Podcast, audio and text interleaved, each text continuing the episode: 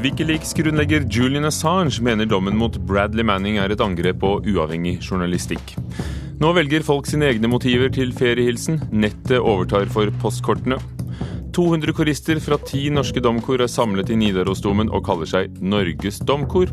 Og vi får anbefalt bøker om øyer, både øde og bebodde, for sommersesongen. Her i Kulturnytt i Nyhetsmorgen i NRK med Ugo Fermariello i studio. Grunnleggeren av nettstedet Wikileaks, Julian Assange, kan selv havne på tiltalebenken etter dommen mot den amerikanske soldaten Bradley Manning, som kom i går kveld. Advokaten til Wikileaks-grunnleggeren tror risikoen for at USA går til sak mot Assange som en medsammensvoren, har økt. Den amerikanske soldaten Manning ble i går kjent skyldig på de fleste tiltalepunktene, etter å ha lekket hemmeligstemplet informasjon til nettopp Wikileaks. Bradley Manning's alleged disclosures have exposed war crimes, sparked revolutions, and induced democratic reform. He is the quintessential whistleblower. This is the first ever espionage conviction against a whistleblower in the United States. It is a dangerous precedent and an example of national security extremism. Dommen mot Bradley Manning skaper en farlig presedens, sa Julian Assange i en utsegn fra Ecuadors ambassade i London i går kveld. Grunnleggeren av lekkasjenettstedet Wikileaks fordømmer spionasjedommen mot den amerikanske soldaten som la 700 000 hemmeligstempla dokument til Wikileaks. Manning risikerer å bli sittende i fengsel for resten av livet. Nå kan Julian Assange sjøl bli tiltalt, sier advokaten hans Michael Ratner til Washington Post. Han får bl.a. støtte av en av USA sine fremste jurister, Lawrence H. Tribe, som sier til Aftenposten at dommen mot Manning kan avskrekke journalister og varslere i framtida.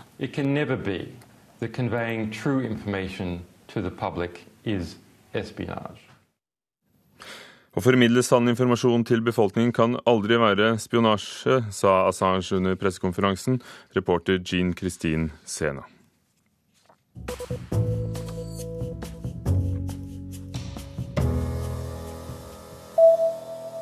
To håndverkere fra Sandefjord er siktet for å svindle til seg malerier for flere millioner kroner. De to håndverkerne utførte et arbeid for et eldre ektepar fra Asker, og tok bilder av Edvard Munch, Peder Balke og et maleri av Adolf Tidemann som betaling for oppdraget. Nå er de to siktet for grovt bedrageri, skriver Asker og Bærums Budstikke. Flere besøker Munch-museet i Oslo. I juni og juli har 39 700 mennesker vært innom Munch-museet på Tøyen. Det er en oppgang på rundt 40% sammenlignet med i fjor, skriver Dagens Næringsliv. For tiden pågår eh, en del av jubileumsutstillingen for Munch der, og flere velger den fremfor Vikingskipene, for på Vikingskiphuset har besøket imidlertid falt. Og jakten på Edward Snowden er blitt dataspill. Spillet, som går ut på å løpe fra CIA-agenter på Moskvas flyplass, er ment som en parodi, ifølge den belgiske spillmakeren. Edward Snowden ble kjent da han lekket opplysninger om at eh, amerikansk etterretning overvåker store deler av internettrafikken i verden.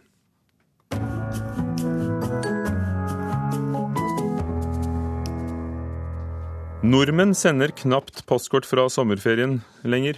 Internett, mobiltelefoner og e-post har overtatt for det gode gamle prospektkortet. Men vi blir fremdeles like glad for å få en hilsen på papir.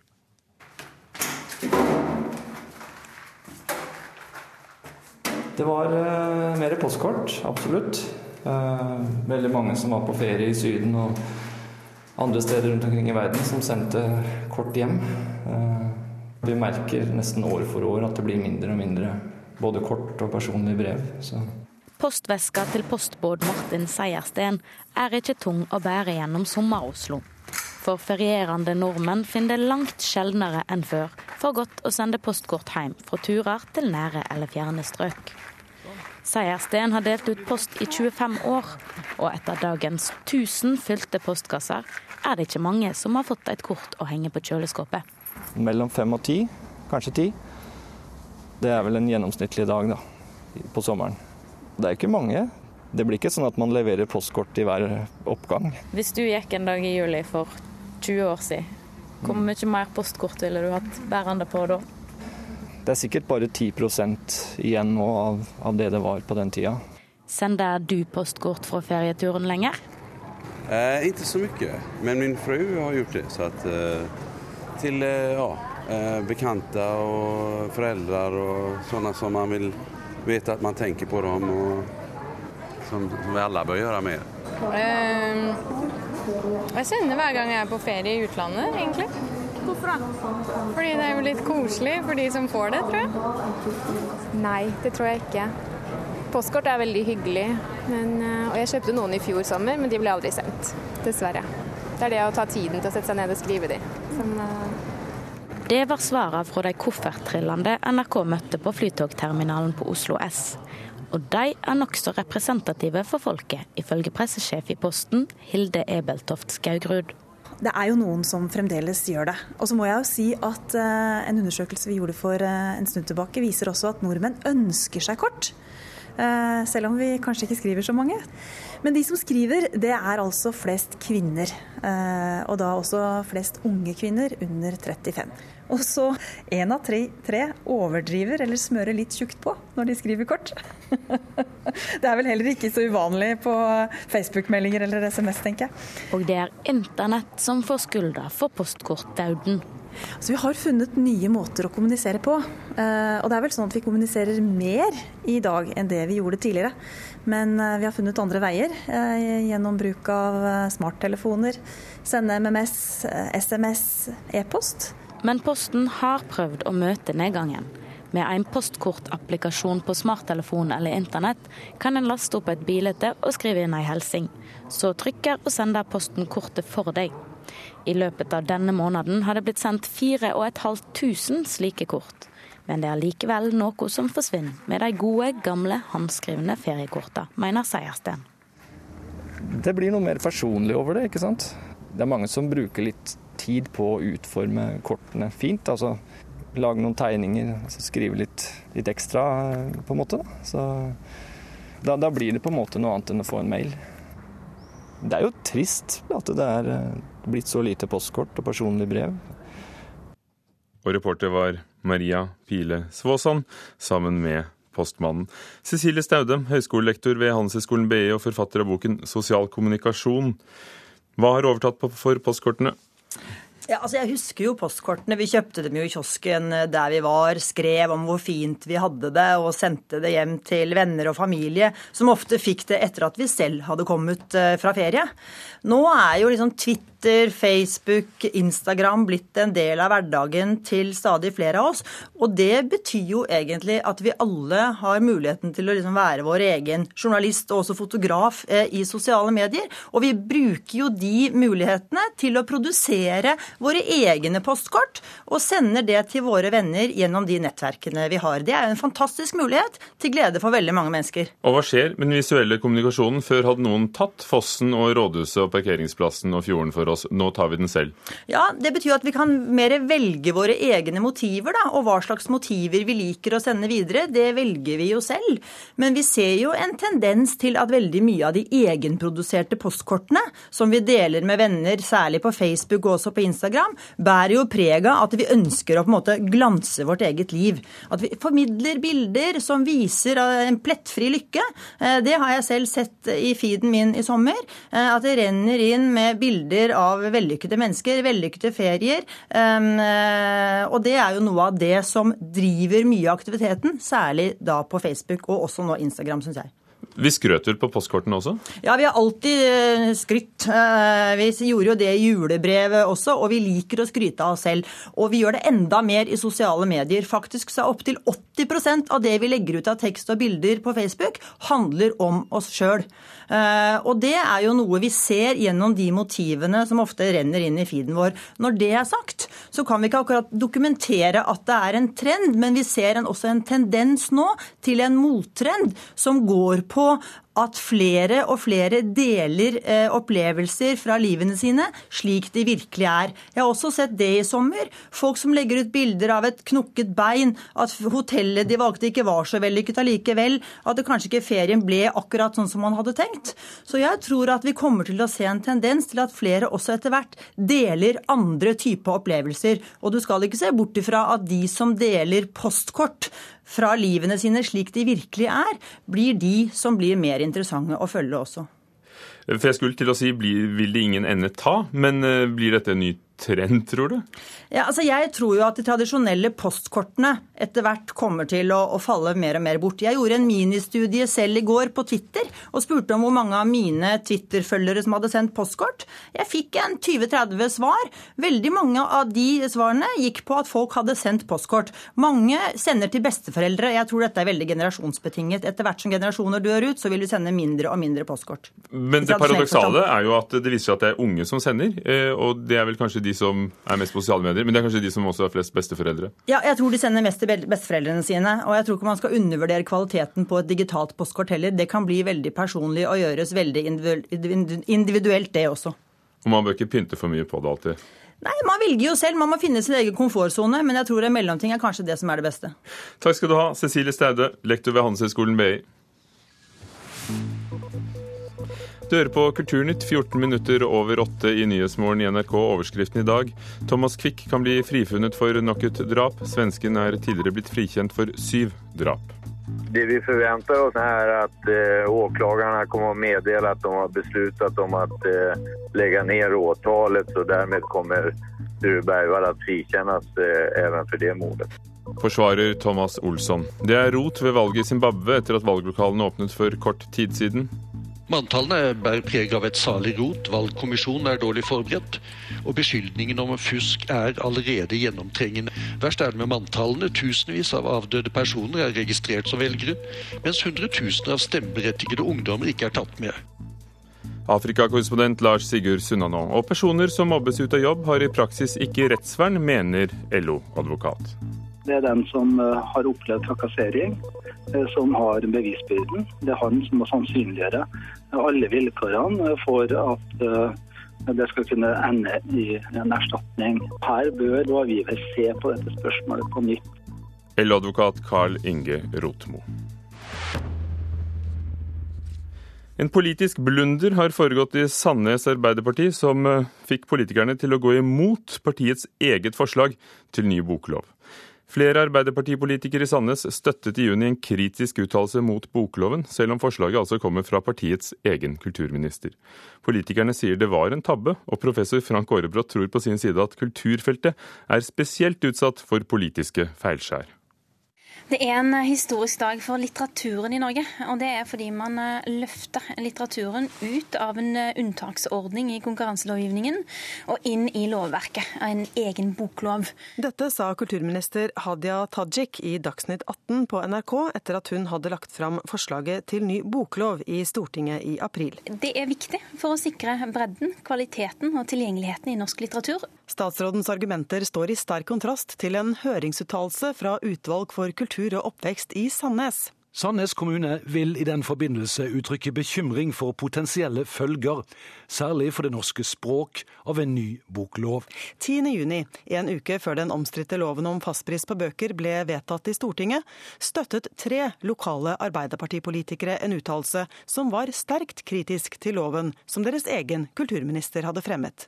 Lovforslaget er bygget på to rapporter med svakt kildegrunnlag, motstridende konklusjoner og feiltolking av kilder. Konsolidering i forlagsbransjen, svakere omstillingsevne og et sterkere insentiv til å velge utenlandsk litteratur kan være noen av konsekvensene av bokloven. Dette vil bidra til en svekkelse for det lille språksamfunnet som Norge representerer. Vi fulgte ikke godt med i timen, og vi stemte for det. Og i ettertid så så vi jo det at vi stemte for Norge som vi faktisk var da imot. Sier Annelin Tangen fra Arbeiderpartiet. Både hun som utvalgsleder og to partikolleger støttet den kritiske uttalelsen som kom fra Høyres Kenneth Austrått. Litt overrasket ble jeg jo. Det har vært en sak som var ganske heftig debattert, og jeg leste hele forslaget for dem. Så det burde egentlig ikke vært så vanskelig å vite hva de gikk i. Det var en eh, tabbe. Det kom et benkeforslag som for oss eh, hørtes eh, veldig sånn positivt og bra for, for det norske språk. Uttalelsen handla jo om bokloven. Var dere ikke klar over at bokloven var fremme av deres egen regjering? Eh, det var et langt eh, benkeforslag. Vi oppfatta ikke alt som ble eh, sagt der og da. Professor i sammenlignende politikk, Frank Aarebrot, er ikke overrasket over tabben. Nei, i grunnen ikke. Det er nok ikke slik at kulturpolitikken er veldig høyt prioritert område. Og det er nok ikke slik at i hvert fall i Arbeiderpartiet, representantene sitter i kø for å komme i kulturutvalget. Eh, så det er nok eh, ofte slik at eh, interessen i disse sakene er litt for lav i forhold til det som de i sektoren mener er viktig, i alle fall. Er det generelt lavere kunnskapsnivå når det gjelder kultur enn andre felt, tror du? Jeg vet ikke, men jeg tror nok kanskje at kultur lider av at det aldri har vært regnet som et sånn tungt verv. Beklager du det? Ja, jeg syns det var veldig, veldig trist. og Skulle jeg kunne fått gjort det om igjen, så skulle ikke dette ha skjedd. Litt pinlig, nesten? Ja. Men, men det er mye, og vi kan ikke være verdensmester på alle felt. Frank Aarebrot har fulgt det politiske liv i en årrekke, og han tror det begås mange slurvefeil på politiske møter som aldri blir oppdaget. Jeg tror nok at det er mange som med forbauselse oppdager dagen etterpå hva de har vært med på å vedta. Vi kan i grunnen ikke forvente at politikerne skal være mer perfekte enn alle oss andre i en viss forstand. Vi har alle en dårlig dag på jobben. Frank Aarebrot, professor til reporter Anette Johansen Espeland. Korister fra ti domkor samles til konsert i Nidarosdomen, og det er første gangen så mange av dem gjør det. 200 sangere fra Tromsø i nord til Kristiansand i sør deltar. Det sammenslåtte koret har fått navnet Norges Domkor, og er en del av Olavsfestdagene i Trondheim.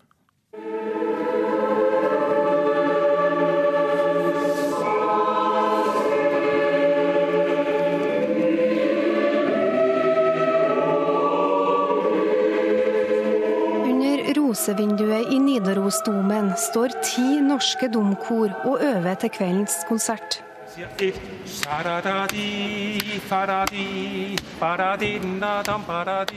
Det er en del utfordringer når 200 korister som aldri har møtt hverandre før, skal synge sammen. Dette er første gangen at ti av totalt elleve domkor i Norge står på samme scene. Vi er et lite kor på bare 30 medlemmer til vanlig. Så å synge med 180 til, det er utrolig fint. Det sier Marianne Faleide fra Hamar domkor. Og når koreliten i Norge er samla, ja da er den danske stjernedirigenten Mogen Stahl hyra inn. Jeg tenker at det er helt ideelt. Her er vi 200. Det er jo den helt riktige utgaven. Dirigent Dahl sier at det er helt perfekt å framføre Rakhmaninovs kjente verk 'Vesper' med et kor på 200 personer. Som er et verk komponert uh, lige starten av første verdenskrig, 1915. Dahl sier at verket ble skrevet under første verdenskrig, og er et religiøst verk som handler om livet til russerne på den tida.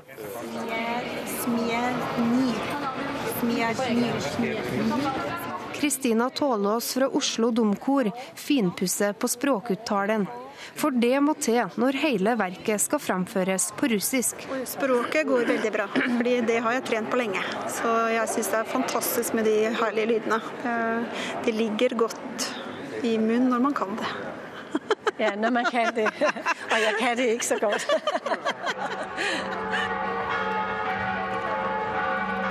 Utenfor Nidarosdomen strømmer turistene til, for Olavsfestdagene er i gang. Prosjektet kalt Norges Domkor er en del av festivalen, og skal være med på å stadfeste Trondheim som et sentrum for kirkemusikk. Det sier direktør i Olavsfestdagene, Randi Wenche Haugen. I formålsparagrafen til Olavsfestdagene så heter det at vi skal bli et nasjonalt kraftsenter for kirke og kultur. Og hvordan skal vi bli nasjonal? Da må vi jo ha nasjonal deltakelse. Så dette er både for å oppfylle formålet med festivalen og knutepunktoppdraget vårt. At vi skal bidra til kompetanseheving for andre.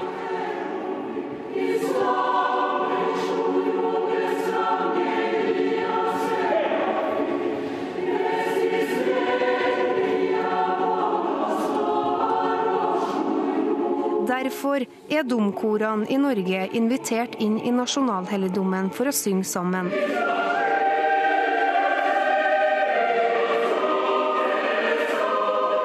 Øvinga går mot slutten, og de aller fleste har sine rutiner før en konsert.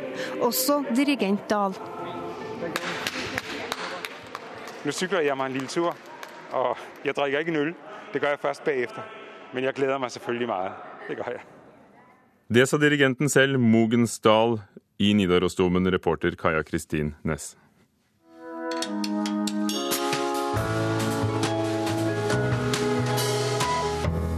Hver onsdag i sommer anbefaler kvalifiserte lesere bøker for årstiden for oss i Kulturnytt. I dag Bjørn Gabrielsen, kommentator og kritiker i Dagens Næringsliv. God morgen.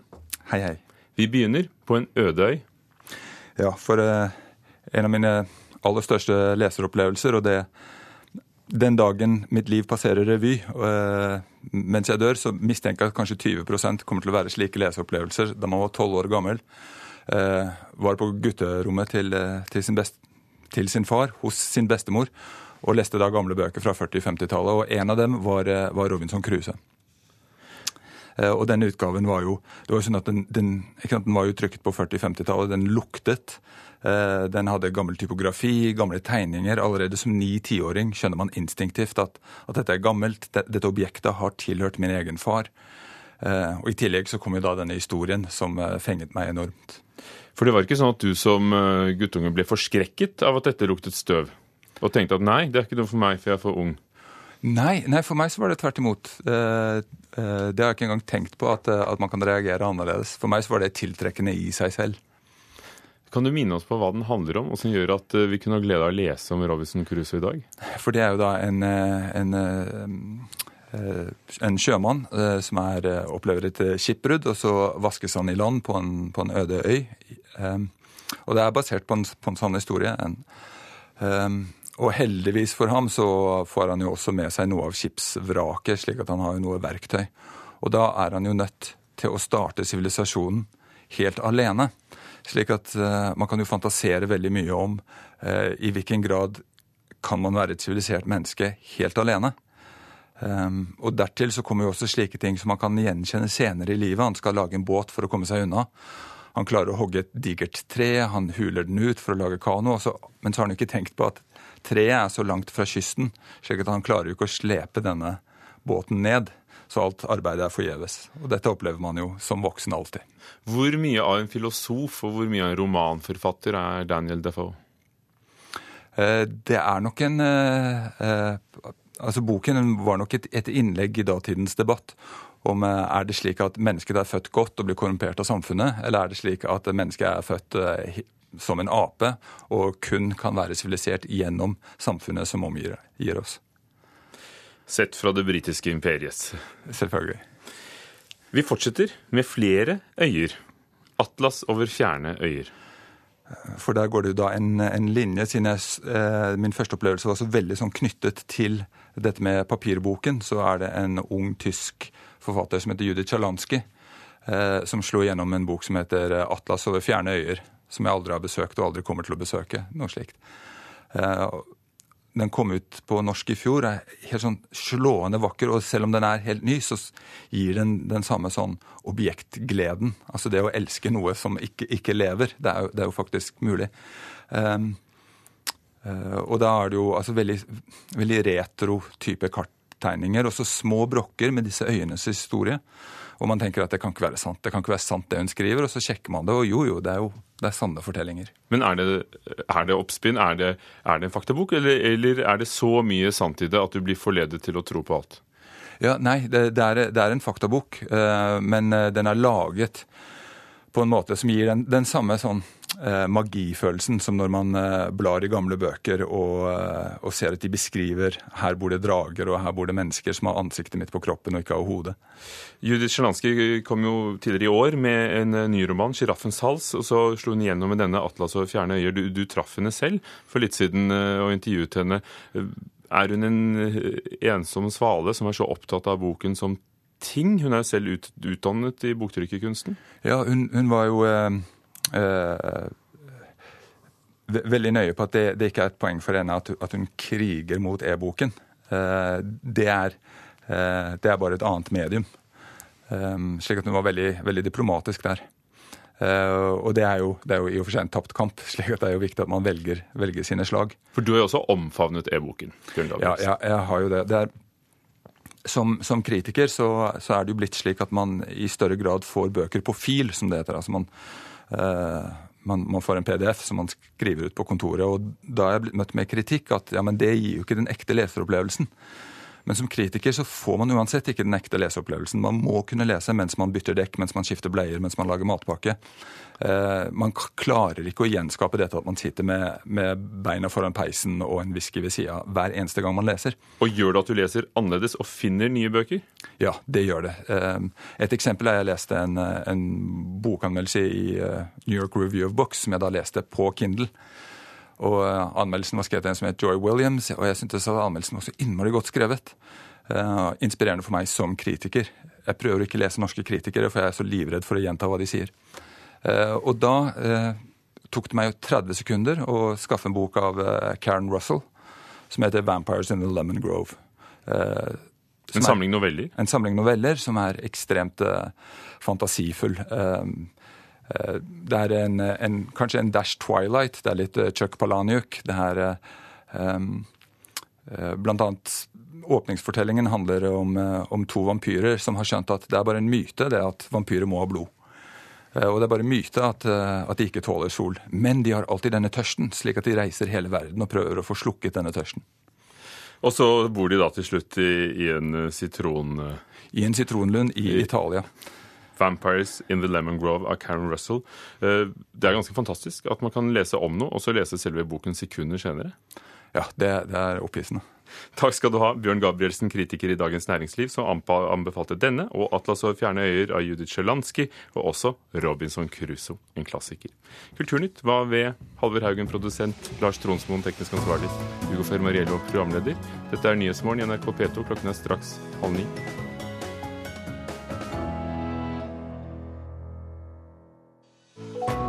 Olavsfestdagene i Trondheim er i gang, og målet det er å skape opplevelser som berører. På torsdag får du høre barokkmusikk fra Italia og Tyrkia, spilt av noen av Europas fremste tidligmusikkutøvere. Musikk i P2 hver kveld fra klokken 19.30.